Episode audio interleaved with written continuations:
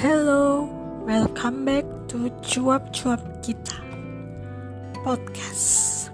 Sorry I didn't continue the podcast episode.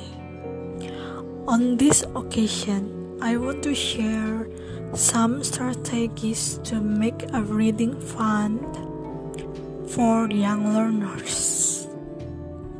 Okay, based on data from the June 2018 edition of the World Bank Indonesia Economic Quarterly Report, the, the Indonesian population is only able to read at level of being able to read, but cannot understanding the properly cannot make a conclusion, cannot find the main idea of the writing.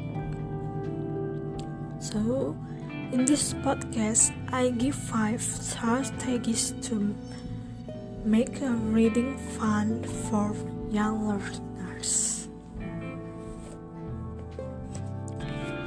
The first strategy is Pick the right book. Making reading fun. Start with uh, choosing favorite book and make a list.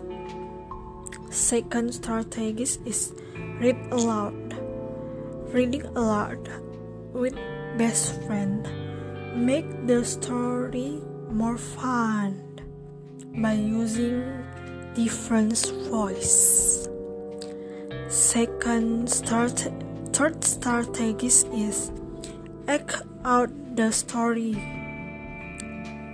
Help bring some excitement to reading by using imagination. And fourth strategy is encourage all forms of readings. And the last strategy is create reading place.